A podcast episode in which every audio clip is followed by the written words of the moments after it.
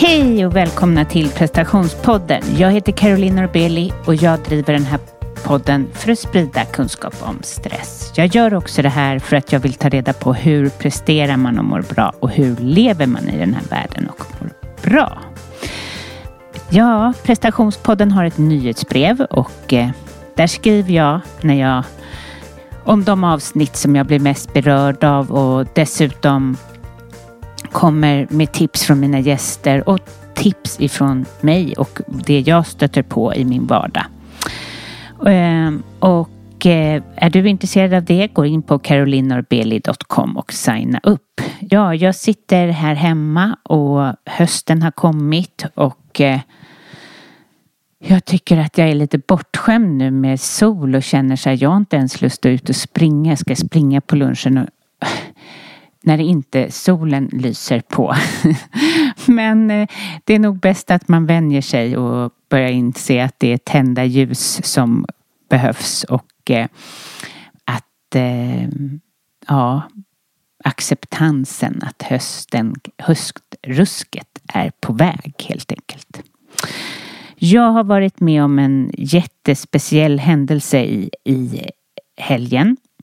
Och det första eller en, inte det första, men den jag tänker att jag ska berätta det här för är er.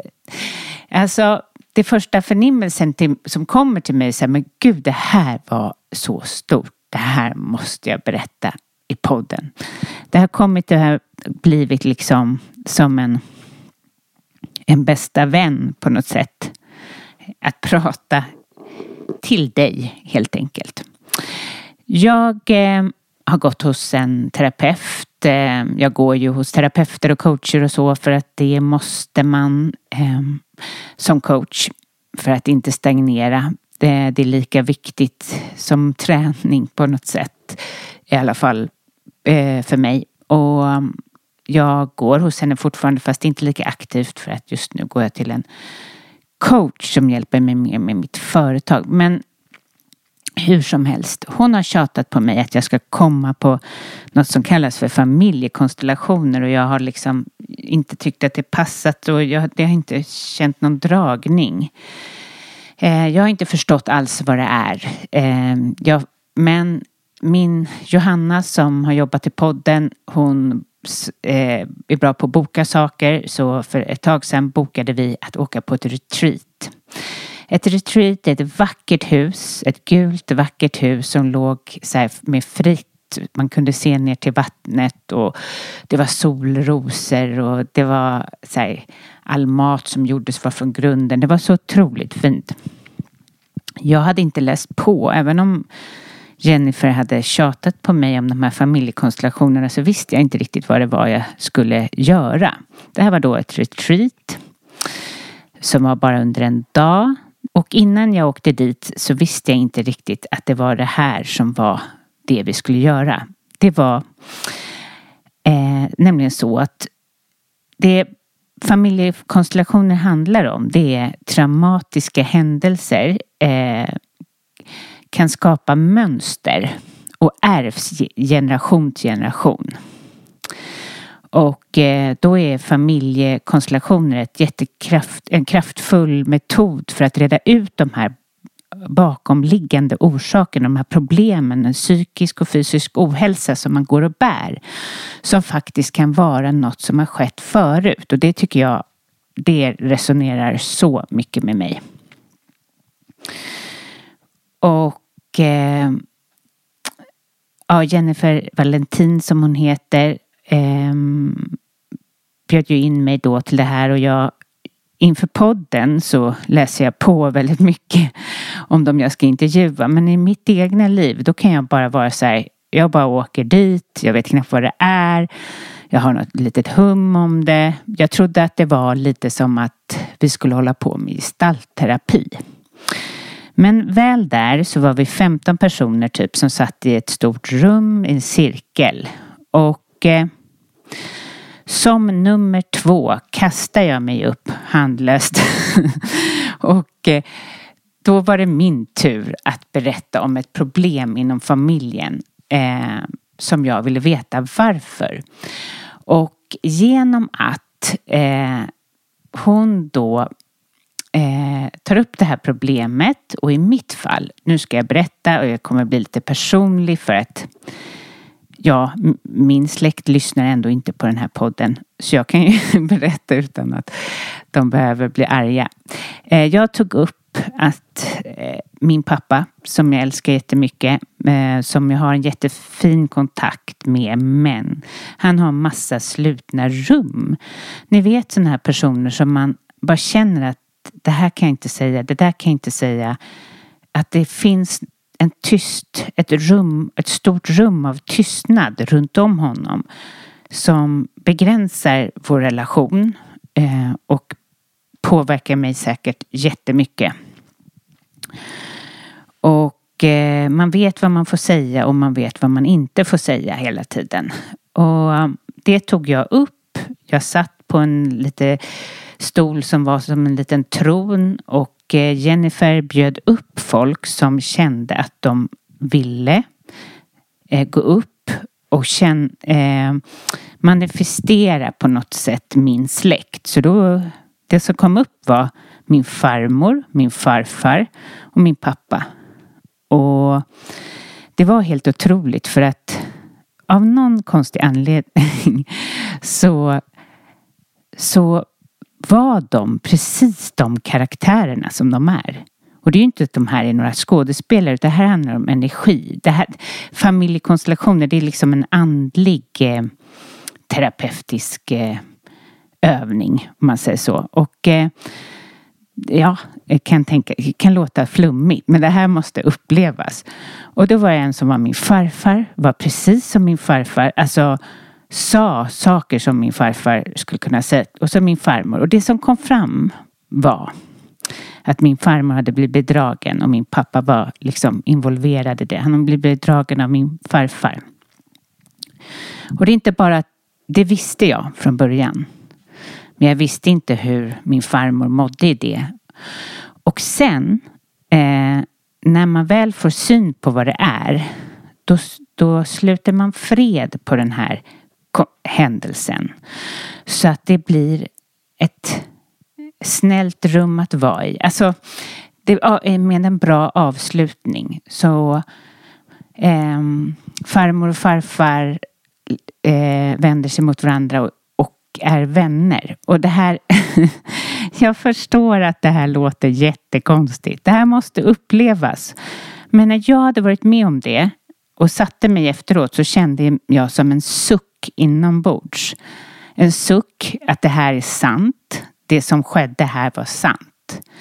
Och en suck att vi avslutar det här kapitlet nu. Och dessutom ska det bli så sjukt spännande. På höstlovet ska jag resa till England till min pappa.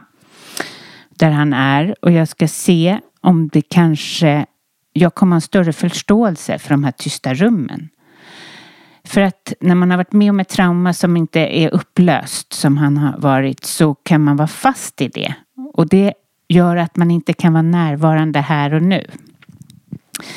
Ja, ja men den dagen, det var typ den lyckligaste dagen i mitt liv.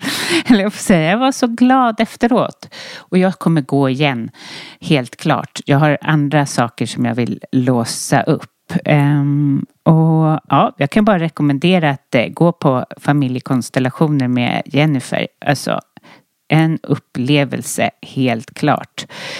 Uh, och uh, jag skrattade lite åt mig själv att jag, jag har så lätt för att inte bry mig vad andra tycker. Alltså att jag kastar mig upp och berättar för alla de där 15 personerna.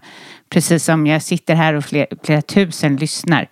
Det är som att jag inte har någon skam i kroppen. Nej, men det är som att jag kan stänga av det. Ja, det är ju bara märkligt. Lite konstigt sen när man skulle äta lunch efteråt och ha öppnat sig så och folk ville ha kontakt. Då är inte jag så kontaktbar längre. Då är jag helt plötsligt tillbaka till mig själv. Eh, hur som helst, en fantastisk upplevelse. Burrow is a furniture company known for timeless design and thoughtful construction and free shipping. and that extends to their outdoor collection. Their outdoor furniture is built to withstand the elements, featuring rust-proof stainless steel hardware, weather-ready teak, and quick-dry foam cushions. For Memorial Day, get 15% off your Burrow purchase at burrow.com slash ACAST and up to 25% off outdoor. That's up to 25% off outdoor furniture at burrow.com slash ACAST.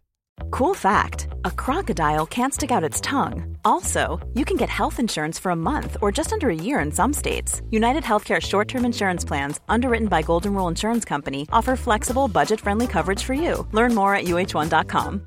Hi, I'm Daniel, founder of Pretty Litter. Cats and cat owners deserve better than any old fashioned litter. That's why I teamed up with scientists and veterinarians to create Pretty Litter. Its innovative crystal formula has superior odor control and weighs up to 80% less than clay litter.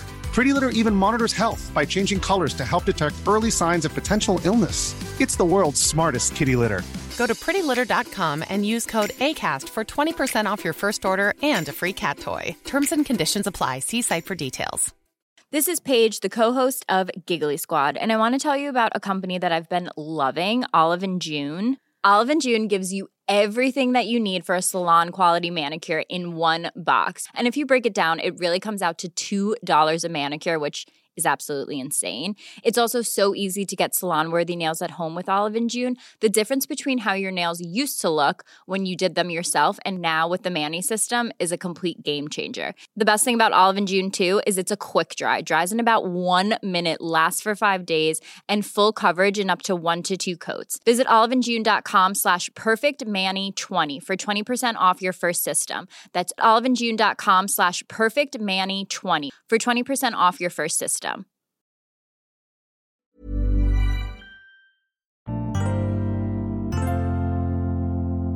Nu är det höst. Nej, men vad jag tjatar om det. Men ni kanske är långt ifrån den här sommarutvilade känslan. Och ni kanske känner att stressen börjar komma närmre och närmre och närmre nu och att det är liksom svårare och svårare att hålla borta. Man blir tröttare och tröttare. Och många tänker ju på de här stora problemen som jag pratade om innan här. Liksom. Men det är ju inte bara dem. Utan det jag vill bara tipsa om just nu är att det är små saker i vårt liv just nu. Alltså att det är alltid små saker som bygger upp, så, alltså små stressorer. Mitt tips är att sätta sig ner och skriva ner allt som stressar dig. Alltså jag kan bara komma med exempel. En låda hemma som är stökig. Eh, alltså flera lådor, kanske rum som är stökiga. Att du inte har satt upp eh, några tavlor. Eh, att eh, du eh, inte hör av dig till din mamma, att eh, du inte tränar som du har lovat dig själv. För det är två saker i det här. Det ena är vad du lovar till dig själv som du inte håller. Och det andra är att det är små saker som är ogjorda. Som man kan trycka bort. Men det, det funkar inte så. För det är där och det stressar dig. Och jag tänker att göra sig redo för den här hösten så kan det vara bra att börja beta av. Och det kan vara så att du får en jättelång lista. Eh, jag har precis skrivit en sån lista själv. Eh, jag reagerar när jag börjar, hela kroppen när du pratar om, när jag själv säger det här med, jag har vissa rum som jag behöver ta tag i i huset men som är jättesvåra. Men när man skriver ner så är det så mycket lättare att det blir gjort och du får en överblick. Och det är inte så att du ska göra allting kommande vecka utan sätt upp så här långsiktigt. Och sätt inte heller upp för jobbiga saker utan det kanske man ska titta på om man har för, stora, för stor kravställning. Är det här rimligt att du vill ordna så här många grejer så att det pockar på i din kropp? Kan du möta det med en mer mjukhet?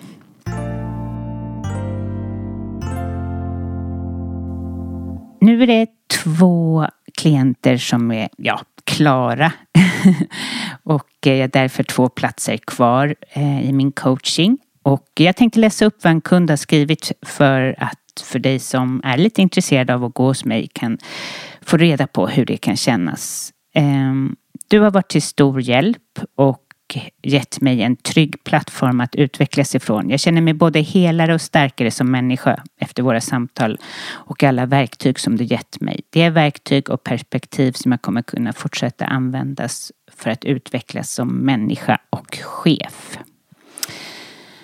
Så vill du minska stress, prestationskrav, komma närmare dig själv, eh, jobba med dig själv för att utvecklas och må bättre, gå in på carolinorbeli.com och signa upp.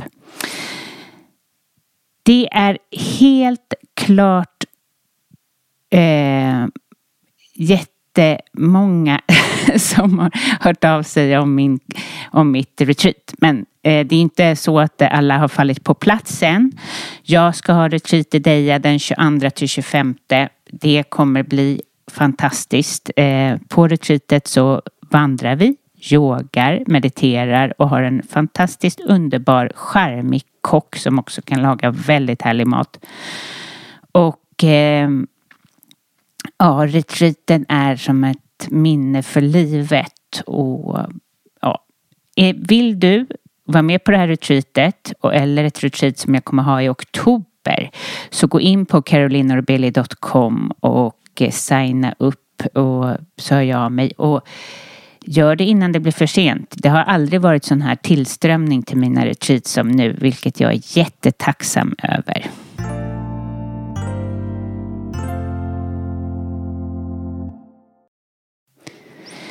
Det här avsnittet har jag träffat härliga Ann Söderlund och jag gjorde det för att jag är så intresserad av just medberoende. Medberoende är en stor del inom stress, att leva i ett medberoende. Jag tror att det är fler än vad vi tänker som gör det. Och när jag säger medberoende så tänker jag inte bara till en alkoholist utan man kan, jag tycker att man kan vara det till eh, ja, av olika anledningar. Ann, för dig som inte vet, eh, hon är journalist, tv-programledare och hon är författare och har podcast. Eh, och eh, lyssna till Ann Söderlund. A lot can happen in the next three years. Like a chatbot maybe your new best friend. But what won't change? Needing health insurance. United Healthcare Tri Term Medical Plans are available for these changing times.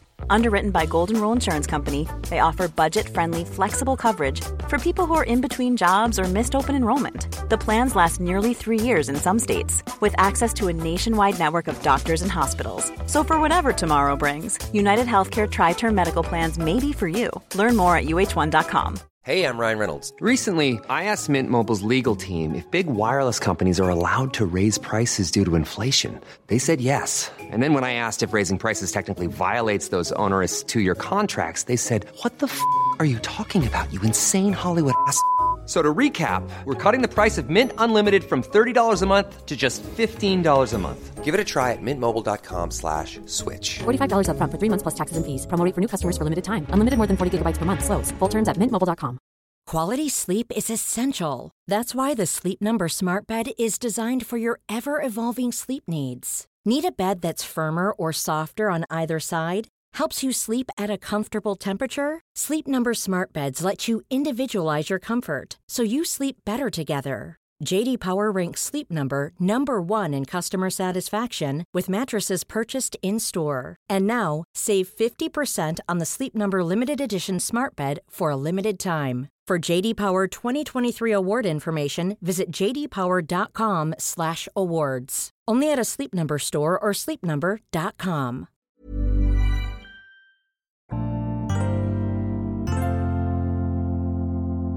Hej och välkommen till prestationspodden Ann. Tack så jättemycket. Jag tror att många vet vem du är, eh, men vad, vad sysslar du med just nu? kanske de inte vet. Nej, just nu så går jag igenom en eh, separation. Mm. Det tar ganska mycket tid faktiskt. Mm. Eh, både fysiskt och psykiskt tycker jag. Dels flytta, jobbigt andra gången det här året. Och dels oh, allt shit. från ja, men krisande barn, till krisande vuxna, till ekonomi, till bodelningar. Jag tycker ofta att eh, separationer bara framställs som det så kallade känslomässiga. Men det praktiska är ju också liksom en tuff grej att ta sig igenom. Och ofta när man går igenom en skilsmässa eller separation så är man ju på lite olika ställen. Mm. Det är väldigt lyxigt. Man har ju några kompisar som har varit så nej, men vi är bara vänner nu och växt ifrån varandra. Så vi hjälps åt på ett kärleksfullt sätt. Det är inte så lätt. Nej, Nej, det är verkligen inte så lätt. Eh, så det har jag gjort. Men annars så skriver jag en bok eh, om att vara kvinna och ha ADHD. Mm. Som vuxen. The true story, ska jag säga. Mm. Eh, fördel ADHD. Nej, Anders Hansen. Nej. Ja, det, det, jag fattar. Det är mycket av de nack, alltså, stora nackdelar och det blir lite provocerande. Ja. Även om det är härligt att höra att det finns fördelar. Jag skriver i boken, eh, varje kapitel skriver jag så här, det får jag ta med Anders Hansen sen. så provocerad. Men jag tror också att många män som har ADHD, jag försöker inte liksom bagatellisera att det är lättare för dem. För en ADHD, ADHD-diagnos är en ADHD-diagnos. Mm. Men eh, enligt min erfarenhet så har eh, de både mammor och partners och andra människor som ställer upp med dem vad gäller ekonomi eller peppa dem. Man får tillåtelse att gå ner i liksom sina svarta hål eller ta igen sig så att säga. Och eh, mitt ex har också ADHD och han eh, brukar ofta åberopa det men det är svårt för mig som jag har ADHD. Och eh, jag lyssnade på eh, en föreläsning av Brené Brown som, eh, ja, hon är ju eh, forskare Eh, väldigt känd. Hon har gjort några eh, väldigt eh, lyssnade och sedda TED-talks bland annat. Ja, hon är fantastisk. hon är fantastisk. Ja. Hon, är, hon är fantastisk och jag tror att hon eh, jag tycker hon appellerar till mig för att hon är också samtidigt lite torr. Ja, så man tror på henne. Ja. Man tror på henne, man ja. förstår. Mm. Det är så här, du menar allvar, du mm. försöker liksom mm. inte fjäska. Eller, ja, du är inte mm. fåfäng på något sätt. Nej, du, liksom, du vill inte fram själv. Nej, du nej. behöver inte oss. Nej. Vi nej. behöver dig. Ja, jag håller med. Hon är underbar. Ja, och då sa hon om det här med skam som hon ofta ja. återkommer till. Att vi måste tillåta oss att prata om skam. Och att även där så är det a gender thing. Att män kan känna skam just för att de kanske inte är manliga eller klarar av liksom att vara the provider eller den starka klippan. Men att kvinnor har så mycket mer på sin lott. Mm. Liksom allt från att vara då inte den perfekta mamman, frun, eh, utseende. Vi har så himla mycket som vi blir skammade för. Mm. Och eh, jag tänkte på det även med eh, ja, NPF sjukdomar, om man ska säga sjukdomar kanske man ska, jo. Ja. att det ofta handlar om att vi kvinnor eh, kanske inte utreder oss. Eller vi vill inte säga det för vi vet att är vi sårbara så kan vi få igen det på ett helt annat sätt. Till exempel vid en skilsmässa eller om vi söker jobb och sådär. Jag pratade med en, en kvinnlig kollega som hade sökt chefsjobb. Och eh, ja, hon, hon, de sa till henne på det här stora företaget, sök det bara så att det ser snyggt ut. Och sen så berättade hon att hon hade ADHD och helt plötsligt så var det någon annan som fick jobbet. Så jag förstår idag att, eh, att alla kvinnor kanske inte vill berätta det eller vänta med att utreda sig. Men så sa min kompis Hanna Videll till mig, hon har också ganska nyligen fått eh, en ADHD-diagnos att jag klarar mig väldigt bra och egentligen behöver jag inte den här diagnosen i mitt liv. Men eh, jag tänker att jag måste ta en för teamet. Jag måste vara en i statistiken. Dels för att forskningen ska fokusera mer på kvinnor. För det gör det ju såklart om fler kvinnor är diagnostiserade. Eh, och dels för att eh, ta bort stigmatiseringen och skammen. Så det, det gör jag. Och sen så har jag mina poddar, Inte din morsa med Sanna Lundell. Och eh, Lille Lördag med Anita. Förlåt, Tonne. jag säger alltid okay. fel. Ja. Ja, eh, nej, men Anita mm. Clemens heter hon nu, men hon hette Schulman förut. Det, det är svårt för mig att eh, tänka om. Eller hur? Man är ja. en vanemänniska. Ja, men jag tänker så här, det här är en podd om stress och eh, hur ter sig stress när du har den här känsligheten ADHD då? Jag har ju under många år intalat mig att jag är väldigt tålig för stress. Mm. Vatten på en gås och ingenting kommer åt mig och sådär. Eh, Men nu har jag fått tänka om. att eh, jag blir väldigt mycket upp i varv. Jag kan inte sortera huvudet. Det blir lite Nej. som jag såg någon rolig Instagram-inlägg igår så var det en kvinna som skrev så här, så vet du att du har ADHD, så var det sju punkter. Och en punkt var att du står och pratar i telefon med någon och så säger du personen så här, nej nu har jag tappat bort min telefon, var har min telefon tagit vägen? att det, det är väldigt svårt att avsluta saker och att fokusera även om man sitter med yoga-liknande ställning och har ljudlöst och liksom sitter en harmonisk, på en harmonisk plats så är det liksom tusen tankar samtidigt. Och eh, jag tänkte på det när jag åkte hit. Jag tänkte så här, Gud, tänk om någon skulle vara inne i min hjärna. Jesus eh, dog på korset. Eh, Jesus eh, var god. Jesus, banan, banan, banan. Och där, alltså, det är så otroligt mycket tankar. Och eh, en kompis som jag har precis börjat eh, medicinera, ADHD-medicin. Och hon la ut en väldigt rolig reel. Hon var så här, före ADHD, så ska jag säga, har monkey business. Och sen efter man tagit tabletten 20 minuter senare så är det tyst som i kyrkan. Vilket också är superkonstigt. För det är ju mina apor där uppe, de är mina polare. De pratar jag ju med Ja. hela dagarna. Så jag tycker man ska göra så. Nej, jag vet inte. Jaha, nej men historiskt sett så romarriket.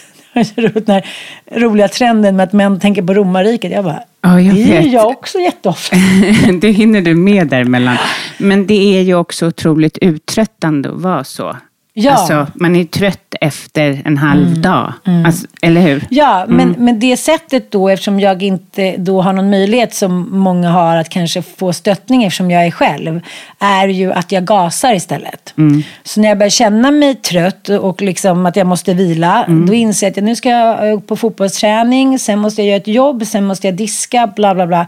Så då hittar jag ju något sätt, självmedicinering skulle jag faktiskt vilja kalla det för. Allt från godis till att eh, kicka igång på att göra något sista sekunden, till att kanske börja bråka lite med någon eller få lite uppmärksamhet av någon. Det finns liksom tusen sätt. Godis eh, också ett väldigt bra, det har jag använt nu. Men tror du att det här blir, alltså att ADHD-symptomen blir värre nu när man kommer in också i den här hormonella fasen? Det är roligt att du ställer den frågan för jag gjorde ett stort event på Fotografiska häromdagen om just eh, eh, men, men, vad heter det? Menopaus. Ja, men, eh, eh, klimakteriet. Förklimakteriet. Ja. Eh, och eh, det var lite roligt att det var flera som hade tackat nej då till inbjudan. Så, men jag är inte alls i klimakteriet. Att i Sverige så är det någonting, så här, då är det över. Man kallar det för guldmens och skrytsnöre de här sista åren när man har mens. I USA känner jag inte alls samma sak. eh, Att det ska vara liksom, ja, sista chansen, nu ska man slängas på glasberget och sådär.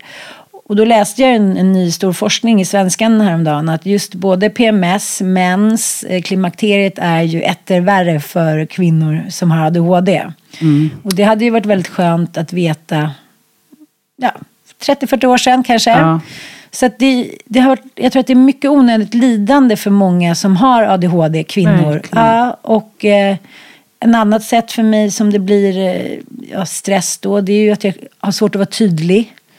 Jag säger ja till saker som jag egentligen inte hinner eller vill. Just för att det är väldigt lätt då att eh, komma åt mig känslomässigt. Jaha, men jag har redan åkt tåg hela dagen. Ska inte du hämta mig då? Där är jag väldigt svag. Vilket gör att jag hamnar i situationer som kanske på pappret ser bra ut för att jag vill vara snäll eller schysst.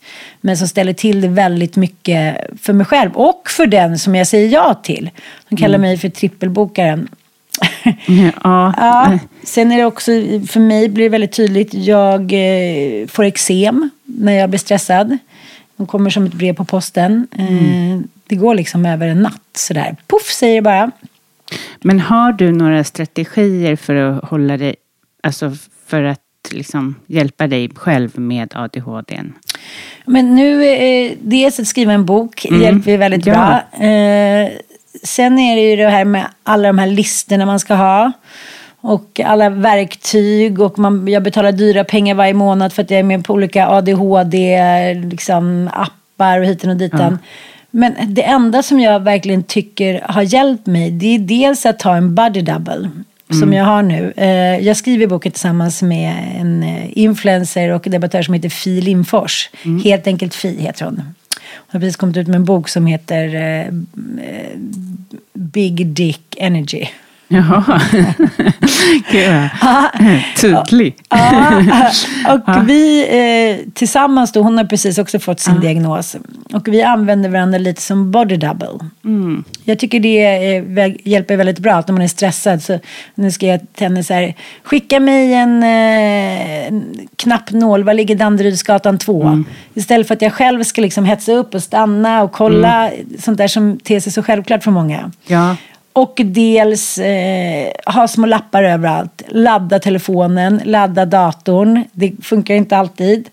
Och att försöka liksom göra klart.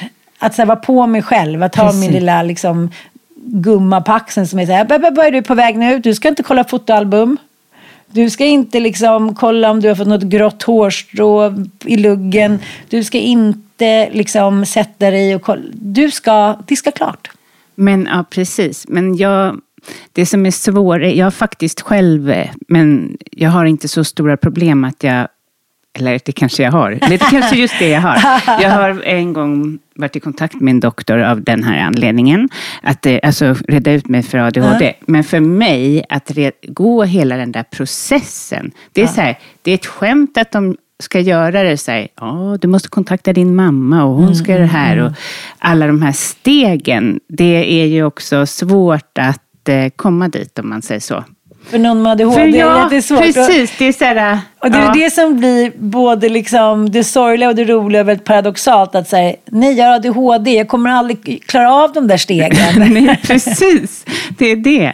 De Ja. sätter väldigt stora krav Ja. på det. Ja, de, jag, jag tycker var- de borde underlätta utredningen lite faktiskt. Ja, Men, men samtidigt så är det ganska skönt tycker jag. För jag gjorde utredningen först en gång och då sa de nej du har inte det.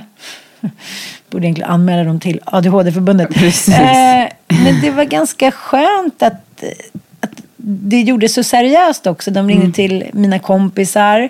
Eh, ingen, eh, varken, sin mam, vare sig min mamma eller pappa levde ju under andra utredningen. Nej. Men första gången hade de ju ringt min pappa som var så här idel lovord. Hon var så smart och hon lärde sig läsa själv och hon var bäst i det och Ja. hon är så charmig och hit och dit. Och så var ja, hon är, var ju otålig som liten. Men det var det, det mesta Ja. han kunde. Ja. Just för att han själv har ADHD då såklart. Liksom. Mm.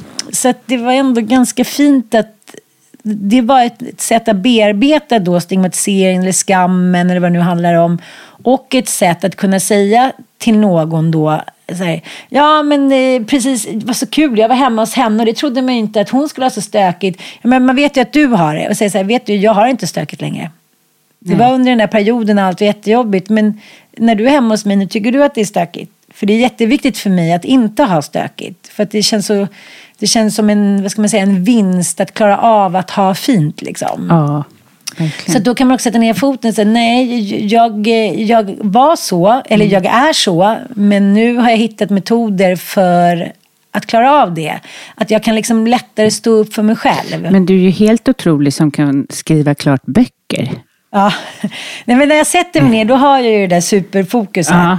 Så att eh, det är väl det som är, eh, har varit min stora utmaning. Att inte låta relationer och känslor och barn och liksom, eh, ja men då kan väl du göra det, då kan väl du hämta det, då kan väl du ta barnen, då kan väl du göra det. Ja, att jag liksom tänker att jag klarar allting. Och det tycker jag känns som en otroligt härlig, i alla fall bonus om man får säga med separationen, att, eh, att jag kan jobba. Ja. Förstår Jag du? förstår Jag känner så här, gud, jag har inte jobbat på flera år. För så Nej. fort den där känslomässiga ockupationen tillsammans med förklimakteriet, tillsammans med sorg som kommer fram efter mamma och pappa. Det har ju varit Mm. liksom som en tsunami av att tillåta sig själv att känna. När dog de? Mamma dog ju När du var ung. Ja, då Ja. var jag 24. Så det är över 25 år sedan. Det måste Men, varit tufft. Men det var otroligt tufft också för att när man lever i en familj där- alla har ADHD i stort sett. Eh, då finns det ju inte heller någon riktig stabilitet om den som är stabil dör. Så att eh, jag tycker vi borde tänka lite på det när vi kräver prestation av människor i kris. Att det går att liksom prestera om man har backning eller hjälp. Träffade en kompis häromdagen som, vars mamma hade gått bort hastigt lustigt och hon sa, då hade jag ju den här försäkringen. Så då gick jag in på det här, liksom, till den här läkaren och rehabet och då fick jag den här fyrastegsmetoden. Läkare, psykolog, mindfulness, medicin. Gud vad fantastiskt. Ja, ja. medan eh, när min mamma gick bort och pappa då hade börjat dricka igen och Mm. tagit tabletter och var riktigt illa däran. Och min syrra hade precis skaffat familj. Så jag var bokstavligen väldigt mm. ensam. Ja. Uh. Jag tror att vi satt på Karolinska någon gång när mamma nyligen hade dött. Eh, då någon sa så här, men vill du prata med någon? Jag vet mm. inte, jag får återkomma. Mm. Det var liksom ingen som eh, så att säga, tog tag i en. Och det är ofta man säger så här, det är ens eget ansvar. Men när man är så där under isen så finns inget som heter ansvar. Man Nej. måste ha någon som liksom hjälper en där. Och har man ingen familj eller kanske känner skam för situationen, någonting, då är det väldigt lätt att halka ner liksom, långt ner i rännstenen. Och det är inte alla som tar sig upp. Nej, och eh, ja, du har ju skrivit en fantastisk bok, Djävulsdansen. Ja.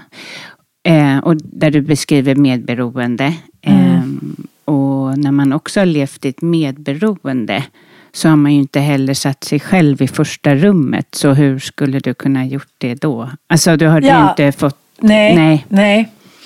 Och det är någonting som jag jobbar väldigt mycket med nu i min hardcore-terapi. Att det är att jag måste omprogrammera mig själv. Mm. För när jag sitter då med min terapeut och visar, titta vad fint jag gränsade här på sms. Och hon säger, nej, du har inte gränsat någonting. Varför ljuger du för? Det är inte alls så som du skriver med smsen. Nej, jag är så van vid att boosta andra. Mm. Rent känslomässigt eller pepparmässigt. Peppar, mm. mm. Att jag tror att det kommer liksom att jag har en autopilot-pepp. Och det tycker jag också min omgivning har ställt väldigt höga krav på mig. Alltså, du som är så älskad typ på Instagram eller du mm. som har så många som skriver till dig och du som gör tv och radio och podd. Att mina partners har tyckt att det, eftersom jag får det då behöver inte de på något sätt backa mig eller finnas där för mig när jag behöver stöd. Mm. Ja, det är skevt. ja, det är väldigt skevt. Ja, men men eh, det här med medberoendet, när kom du på att du var det? Det var när jag träffade Sanna Lundell. Mm. Ja. Vad fint. Och det är ja. 13 år sedan. Och det var också så här... Jag brukar säga att man får liksom lite så här glitter av Gud när man är i kris. Eh, jag är inte troende på det sättet men det känns ändå som att man om man är liksom öppen för det, får liksom lite så här gudomliga signaler mm. när man verkligen behöver dem. Och det var en tjejkompis, en gemensam tjejkompis då, som satt på en sån här frilanskontor som sa mm. så här, jag har två platser lediga nu. En ska du hyra och en ska Sanna Lundell hyra. Och ni ska sitta bredvid varandra. Ni behöver varandra nu. Mm. Och sen blev det som, liksom, som det blir med vänner, precis som det blir med partners. Det blev en sån här crush Mm, och, bra. Ja, ja, och vi behövde verkligen varandra. Vi var i samma situation. Vi var otroligt medberoende till eh, våra män. Nu, hon är fortfarande tillsammans med Micke. Mm. Och medberoende på ett sätt. Mm. man alltid är. Och jag då till min eh, ja, första pappan till mina tre första killar. Mm. Och eh, och han tog droger eller? Ja, han, ja. han var missbrukare. missbrukare. Ja, precis. Ja. Eh, vilket alltid medför psykisk ohälsa. Mm. Och, eh, och det där är också någonting, en fallgrop som jag tror inte många tänker på. att den om man tänker den ursprungsfamiljen mm. som på något sätt är ens första karta, familjekarta. Den sitter så otroligt hårt, både i ens liksom kropp och ens huvud och ens minne. Så för mig har det varit så svårt att se att jag kanske väljer partners med andra beroenden. Mm. Det har liksom tagit mig på sängen. Jag har känt mig så otroligt korkad och naiv. Så här, Jaha, nej, men han sa att det, det är ungefär som att dricka vin. Eller han sa att det där var inte så farligt med ditten och datten. Eh, vilket har varit liksom väldigt märkligt för mig. Jag som också håller på att utbilda mig till anhörigterapeut. Ja, jag, jag ser det Men jag kan inte agera på det för Nej. att det är inte min u- Det är din ursprungsberoende problematik. ja, det är som en programmering. Ja. Men vad händer med dig då när du är runt en sån här person som du är medberoende till? Nej, dels så, så har jag väldigt svårt att inte ta på mig den andra personens känslor.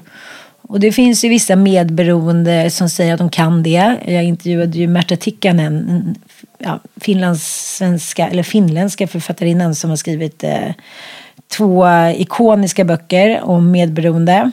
Eh, hon var gift med, eh, typ i 40 år var hon gift med författaren och tecknaren Henrik Tikkanen som är så stor Just det. kulturprofil i, ehm, i Finland. Och eh, när man läser hennes böcker så blir man så här, men gud, jag skulle inte stå ut en dag. Och sen så vänder man spegeln mot sig själv. Det är ju någonting som också är väldigt svårt för någon som är anhörig eller medberoende. Att man, man tycker väldigt synd om alla andra människor. I mitt fall särskilt män. Men även om barn. eh, Alltså alla människor som är kapabla och vuxna. Eller kapabla. Eh, Det kan inte jag se, utan de måste omhändertas och deras behov måste eh, tas emot och ses över innan mina gör det. Mm. Och häromdagen så var det en följare som jag har haft lite kontakt med som eh, skrev så här till mig, gud jag har varit med om en sån häftig upplevelse. Jag har träffat en, eh, en coach och du vet, mitt liv har bara totalt förändrats. Nu måste jag ge barnen mat. Jag var så här, äh, nej, cliffhanger, vad är det som har hänt liksom? Och då beskrev hon ganska kort sina olika relationer. Hon har fyra olika män, fyra olika pappor till sina barn. Och jag satt och läste det och gud, jag kände sån empati. Jag tyckte så synd om henne. Så, Gud vad tuff du är som har klarat det här. Och sen så i då med den här terapin när jag ska vända spegeln mot mig själv och inte vara så hård mot mig själv- och ge mig själv cred för allt jag klarat. Så tänkte jag, men gud, det där är ju liksom a walk in the park om man jämför med flera av, av mina livssituationer och relationer. Att jag har väldigt, väldigt svårt att liksom dels se mig själv som ett offer, det klarar jag inte av. Om någon tycker synd om mig då, liksom, då sparkar jag bak ut direkt och blir väldigt provocerad. Och det här att be om hjälp, vilket jag tyckte att jag har varit duktig på. Men jag är verkligen otroligt dålig på att be om hjälp, just på grund av den här skammen. Nu jag hamnat i den här situationen igen, jada jada. Och då är det bra att ha kompisar som Sanna som säger så här, men du är ju bara mänsklig, det var ju fint, du trodde på kärleken. Mm, verkligen. Men det är svårt att vila i det för mig. Att jag, jag gillar inte att jag gör, upprepar samma misstag. Nej, men precis. Men du, det låter som att du inte riktigt ser dig själv som mänsklig. Alla andra existerar och att det är... Mm. Ja. Jag ska vara någon supermänniska. ja. Mm. Men eh, hur jobbar du med ditt medberoende? Nu gör jag ju de tolv stegen. Ja, du gör det. För jag Mm. ser- jag har lyssnat på lite intervjuer och då, då var du inte där. Eh, då var det Sanna bara som... Mm. Ah, ah. Vad kul. Nej, eh, jag går på The House Rehab eh, som ligger på, eh, i Gamla stan i Stockholm. Och eh, det är ju min gamla bekant, eller partykompis, då Robert Boman. Som även var gift med Katarina Janouch många år. Han hade ju många så här superfestarklubbar på eh, tidigt 2000-tal. Vegas hette en klubb som var så här supercool. Och han eh, ja, fortsatte ju festa och knarka under många år. Och nu är han ju nykter och drogfri och har det här stället där jag då gör stegen. Mm. Man får komma som medberoende. Precis, Ja, ja. de har Mm. både eh, i Norrköping har de ett ställe där man då gör de klassiska 28 dagars. Eh, där jag då gör min praktik. Jag håller på att utbilda mig till anhörigterapeut. Men jag gör nu stegen hos eh, ja, min liksom, anhörigterapeut och Sandra Ekroth. Som eh, är faktiskt den första som har fått mig att eh, verkligen sänka garden tycker jag. Gud vad fantastiskt. Det är ett hårt jobb alltså. Ja, det är jättehårt. Ja. Jag trodde inte att det skulle vara så här hårt. Jag är bara inne på steg fyra. Och, Vad är det för steg? Då? ja, det är ju steget då när man ska skriva ner allting eh, som har varit, vad ska man säga, jobbigt för en. Alla som man tycker har gjort någonting orätt mot en. Wow. Och det ska vara allt då. Från, eh, du vet, busschauffören Mm. som inte lät en gå på bussen. Till eh, läraren som gav en örfil. Till killen som försökte våldta. Alltså allt, allt, allt. Och, men det värsta är steget typ- är när man ska höra av sig till alla och, Ja. och gottgöra. Den Men- kan du ju inte... Nej, men, nej, jag vet. Men Ja. det här steget mynnar ut i det. Så först är Aha. det det här som liksom har tagit veckor. Och nu så ska det vara då, vad hade du för ansvar i de här situationerna? Ja, okej. Ja. Ja. Och det är här tycker jag var... så. Ja, så att då, det är också väldigt jobbigt. Mm, såklart. För det vill man ju aldrig se. Man vill ju, man, an, man bara, och så gjorde han så och Mm. jag var ju bara liten och ja. Men eh, jag tror ändå att nyckeln till förändring och att bli sams med sig själv och då de som har gjort en orätt och som man själv har gjort orätt. Det är också att inse att nästa gång så har man ett ansvar i situationen. Det har man ju inte om man råkar ut för misshandel eller våldtäkt eller Nej. är ett barn till exempel. Det går inte att säga till ja, när du var fem år och blev liksom misshandlad av din farfar. Vad var ditt ansvar? Och det är också en väldigt ja, stor skillnad på det där.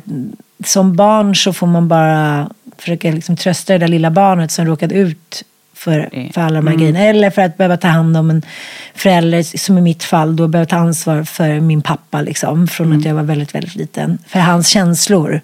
Men du sitter inte i en sån här grupp och delar?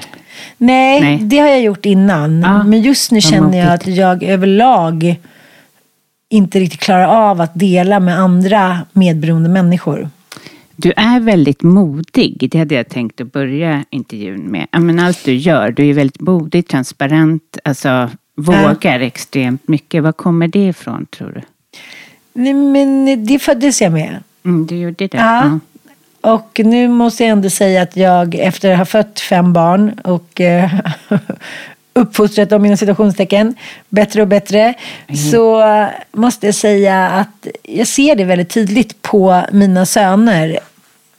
Att de föds med vissa egenskaper och eh, sen kan man gjuta mod i både barn och vuxna och man kan eh, eh, utveckla deras personlighet tillsammans med dem. Men, men det är som att vissa, eh, vissa egenskaper föds man bara med. Och jag minns väldigt tidigt att jag tänkte på för att eh, citera då Lisa Ekdahls låt, att man får vara rädd men man får inte vara feg. Nej, nej, det är viktigt. Men det är svårt att känna skillnaden ibland. Men ibland kan jag tänka att mod också kommer, men du är för, men också när man haft vissa förhållanden. Alltså du, ingenting har varit självklart när man har någon som dricker och Mm, eh, vid sin sida.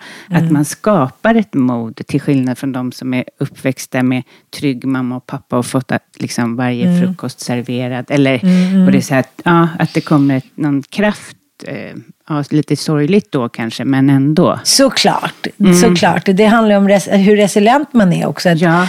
Jag ser det, att, det märker vi också i en skilsmässa, en separation, att ett av ens barn kanske ja, men, tar lite mer som ett maskrosbarn. Jag fattar, det här var inte bra, okej.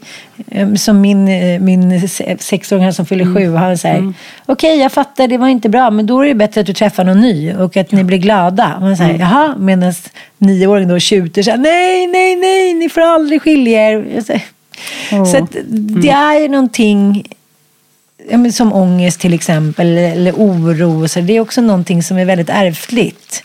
Verkligen. Uh, och det tycker jag också du pratar väldigt lite om. Hur liksom mycket den här stressen och oron kan förstöra för människor. Att man kan liksom inte agera i en vardag för att man hela tiden har ångest. Och eh, det är klart att ångest är symptom för någonting. Och vi är liksom den här moderna världen, vi har så svårt att inse att det bara är en känsla. Vi måste hitta en orsak till det. Vi måste ha liksom någonting att hålla oss fast vid. Och eh, finner vi inte den värdigheten, då måste vi finna den någon annanstans. Och då blir det ofta missbruk. Eller Ja, alkoholism. precis. Eller så man måste liksom, flas, det är flaskans fel, eller det är hennes fel. Eller det, liksom, man måste hitta en orsak till att man mår själsligt dåligt. Precis. Jag hörde dig tala om det här med kroppsminne. Att kroppen faktiskt, att det också inte bara går att prata sig ur. Utan att, att, man har en viss ångest eller en ja. oro som kommer, som mm. kommer sig påmint. Ja. Mm. Och jag tänker på en gammal killkompis till mig. Han är hypnotisitör. Mm -hmm. Hypnot... Ja, det är jättesvårt. Hypnotisör. Ja. ja. Och eh, jag visade en film på Youtube. Vad coolt. Vad heter ja, han? Han heter Erik Olkevich. Mm, han är en av Sveriges liksom, ja. mest kända. Ja. Och jag visade en rolig film på Youtube för mina barn. Där de ska vara jättedåliga på att leka kurragömma. Jag tyckte det var ganska roligt att visa för barnen. De står liksom helt synligt med typ en papperskorg på huvudet. Mm. Och så, för att de är ja, så gulligt. Ja, ja, och det är samma sak med kroppsminnet. Att eh, människor som har utsatt den för svåra trauman. Mm. Jag måste få använda ordet trauma där, i alla fall i mitt fall. Även om många tycker att man använder ordet ett trauma lättvindigt. Då blev jag traumatiserad. Det fattar jag. Men vi som har varit med om trauman, vi vet vad ett trauma är. Jag tror att ja. man kan särskilja det ganska lätt. Man säger det, är, att... det är hur man upplever det. Alltså, det kan vara trauma att din mamma vänder sig om hastigt och du, liksom, du känner dig eh, neglected. Eller, ja. ja så, jag tycker ja. inte att det behöver vara liksom, eh, ockuperat av människor som bara har blivit svårt traumatiserade. Nej. Nej. Men eh, det var så väldigt tydligt när en man som jag levde tillsammans med för ganska många år sedan också misshandlade mig psykiskt och fysiskt.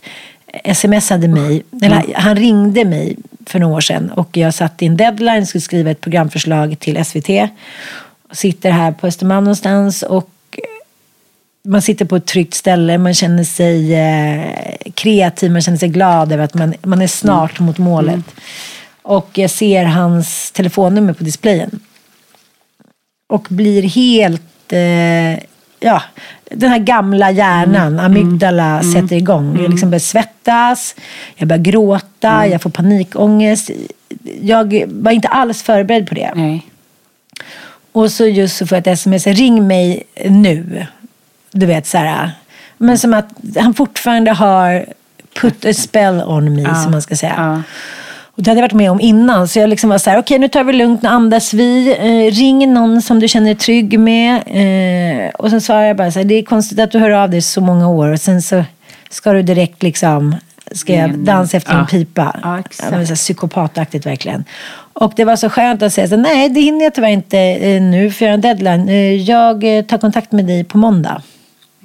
Att just det där autopiloten i hjärnan, amygdala, kroppsminne. Alltså mm. det, finns in, det är ingenting vi kan styra. Nej. Och här är någonting som är väldigt viktigt tycker jag i, i min, vad ska jag säga, rehab. Det är att säga, nej Ann Södlund, du behöver inte svara direkt. Du behöver inte vara tillgänglig direkt. Du kan liksom ta några minuter, eller en dag, eller ett par, kanske till och med en vecka innan Absolut. du svarar. Ja. Och det här är jobbigt för min omgivning som är vana vid att jag ska svara direkt, att jag ska ja. säga ja, att jag ska finnas Gud, där, jag ska släppa allting. Mm. Och det är väldigt provocerande. Och jag tycker att det är väldigt roligt. Eller roligt. Jag, jag blir lite, vad ska jag säga, jag tycker att det är lite så uppmuntrande att se vilka behov andra människor tycker att jag ska tillfredsställa. Sådär. Ja. Mm. Så det är väldigt intressant att se på sig själv. Och också det här att alla, i alla mina relationer har männen flyttat hem till mig väldigt snabbt. Även om jag har haft en sämre bostad kanske, eller mindre. Och så har de sålt sina bostäder och flyttat in till mig. Ja, ja men lite så här, gud vad skönt. Här har vi den här multitasker. Som kan ha fem barn på höften, skriva en bok, eh, rodda ihop eh, ett kalas, vara härlig, vara kåt, glad och tacksam och sådär. Och sen så säger man idag att man inte vill vara det längre. Och då faller korthuset ganska snabbt. Planning for your next trip? Elevate your travel style with Quince. Quince has all the jet setting essentials you'll want for your next getaway. Like European linen, premium luggage options, buttery soft Italian leather bags and so much more. And is all priced at 50 to 80% less than similar brands. Plus, Quince only works with factories that use safe and ethical manufacturing practices. Pack your bags with high-quality essentials you'll be wearing for vacations to come with Quince. Go to quince.com slash pack for free shipping and 365-day returns. Mom deserves the best, and there's no better place to shop for Mother's Day than Whole Foods Market. They're your destination for unbeatable savings, from premium gifts to show-stopping flowers and irresistible desserts. Start by saving 33% with Prime on all body care and candles. Then get a 15-stem bunch of tulips for just $9.99 each with Prime. Round out Mom's menu with festive rosé, irresistible berry chantilly cake, and more special treats. Come celebrate Mother's Day at Whole Foods Market. Imagine the softest sheets you've ever felt. Now imagine them getting even softer over time. That's what you'll feel with Bowl and Branch's organic cotton sheets. In a recent customer survey, 96% replied that Bowl and Branch sheets get softer with every wash. Start getting your best night's sleep in these sheets that get softer and softer for years to come. Try their sheets with a 30-night guarantee. Plus, get 15% off your first order at bowlandbranch.com. Code BUTTERY. Exclusions apply. See site for details.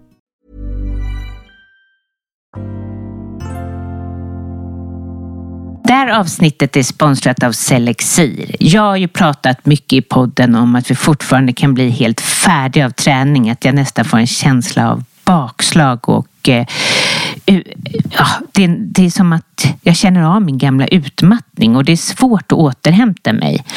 Och Ja, genom podden och genom mina klienter så har jag, träffar jag ju många människor som har haft en utmattning eller är utmattade och det visar sig också att de har svårt att återhämta sig efter just träning. Och jag har letat efter något som ger mig mer energi och jag har hittat Selexir One. För det är så här, när vi blir äldre så minskar våra mitokondrier i antal och vi blir mindre effektiva vilket gör att eh, vi minskar vår energi och påskyndar vårt åldrande. Nej tack, äldre i förtid vill jag inte bli. Och forskning visar också att den här försämringen kan fördröjas rejält med till exempel träning, kost och, och tillskott av vissa näringsämnen. Selexir One är ett kosttillskott som innehåller ämnen som fokuserar på dina celler och dina mitokondrier. Vill du veta mer om det här så gå in på selexir.se och det bästa skulle vara att prenumerera på Selexir. Då är det utan bindningstid och den bästa kostnaden. Och såklart är det ju fraktfritt i Sverige. Så gå in på selexir.se, använd koden PP20 i kassan. Och det här gäller engångsförpackning och och vid tecknad prenumeration. Jag lägger en länk i avsnittsbeskrivningen så att det här blir enkelt för dig. Jag vet inte om du vill svara på det här, men är din förändring, det låter ju som att du är i en förändring ja. nu verkligen, då tar, kan det vara en anledning till skilsmässan då? Att du... Ja, alltså det, det är många olika orsaker, ja. eh, beroende igen som jag inte såg. Mm. Jo, det kan man få säga. Ja, ah. vi är beroende till de flesta. Precis. Ja, ja men eh, medberoende då som jag kastades tillbaka i då till ett beroende som också hade svårt att se. Eh, men det här med att ha ansvar för alla barnen som jag tyckte var en så bra idé. Också väldigt tydligt att jag, eh, att jag inte riktigt fattar hur jag, hur jag klarat av det. Eh, att ha liksom, många barn på heltid, män som kanske inte alltid har steppat upp. Sommarhus, villa, eh, jobb. Att jag har liksom gått på någon form utav, eh, ska man säga, övertid när det gäller att liksom klara av allting. Och min terapeut säger, nu måste vi ta det lugnt här. Eh, om du eh, går in i väggen, då, liksom, då kommer du liksom ligga ner länge. Så att så här, du har din energi, den är otrolig, du ska inte sluta ha den. Men sen, nu måste du eh, spara på, liksom, du måste välja. Har du varit nära väggen? Jo men det har jag ju. Jag kommer ihåg när jag, min mamma nyligen hade gått bort och den här mannen då som jag nyligen pratade om, vi hade separerat eller vi hade tvingats att separera. För vi eh, var ju så kära egentligen och Romeo och Julia, det var ju ingen annan som förstod. Mm-mm. Det är också en, en medberoende defekt som jag, Mm. Sanna Lundell, skriver om i vår bok Djävulsdansen. Mm.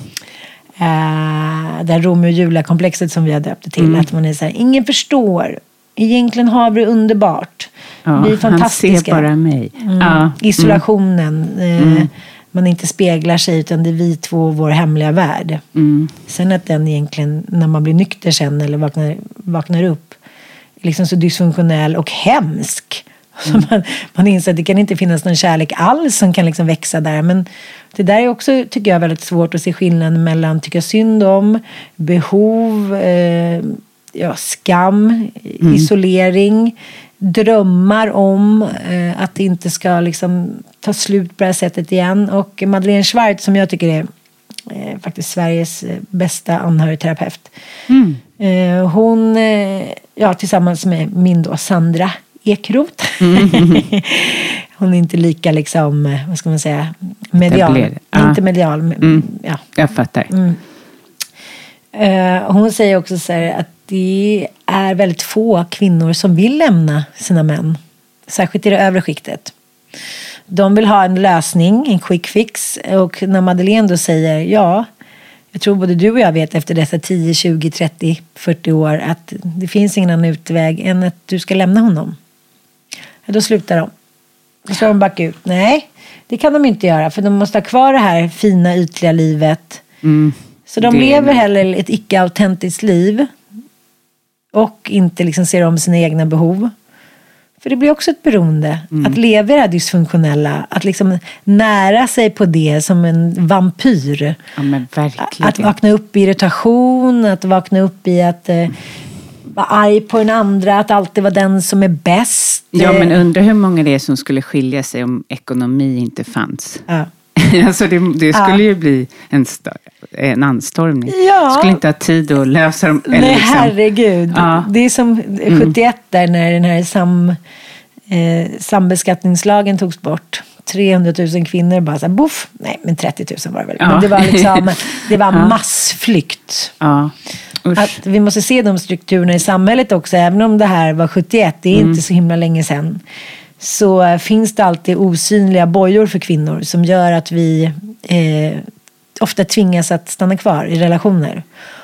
Men jag, jag, känner, jag känner det nu när jag tagit steget att hellre på vatten och bröd och bo i en etta i Tjonkalonka än att vara kvar i det där.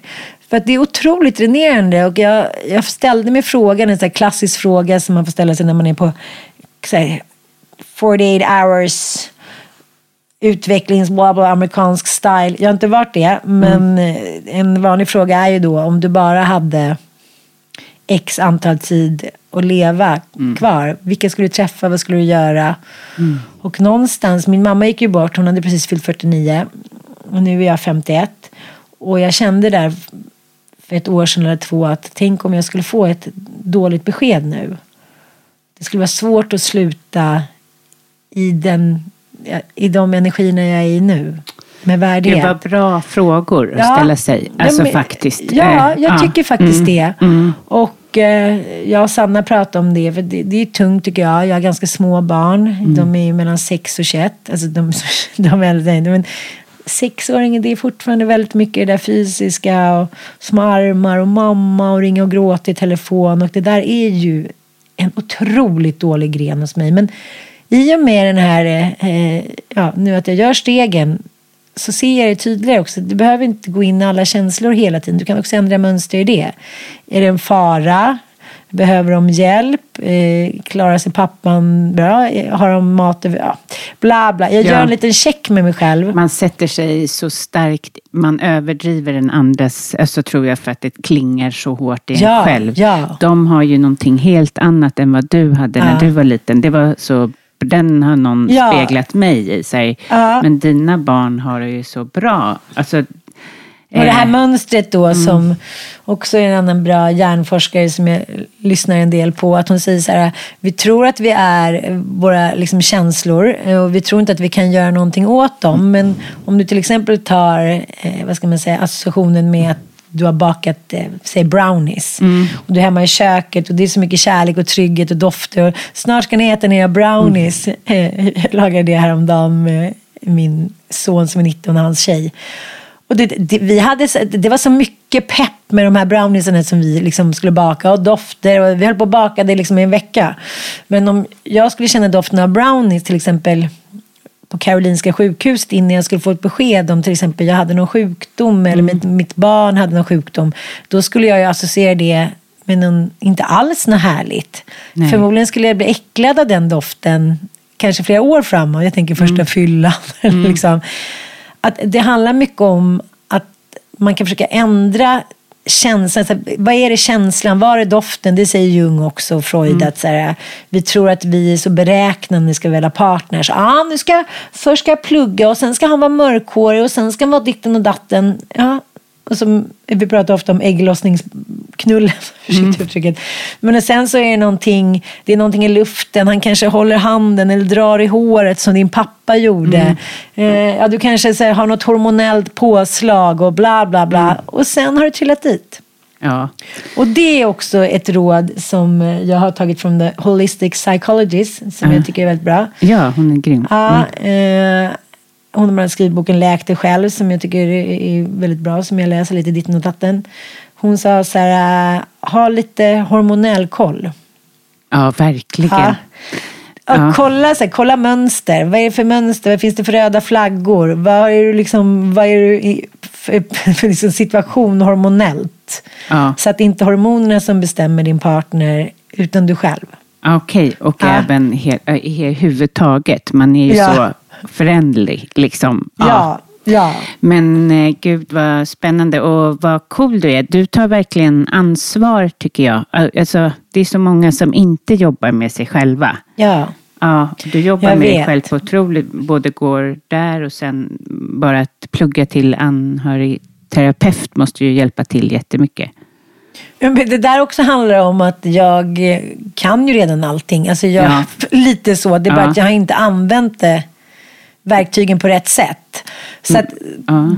Det är ganska häftigt nu när jag verkligen har bestämt mig för att här, inte vilda hästar ska få mig att gå till min klockan tio tid Nej. i Gamla stan. Det är så här, jaha, om det inte är liksom någonting med barnen så är det så här, tyvärr, jaha, du vill bjuda mig på en resa till Mauritius exakt klockan tio, tyvärr, jag kan inte gå då.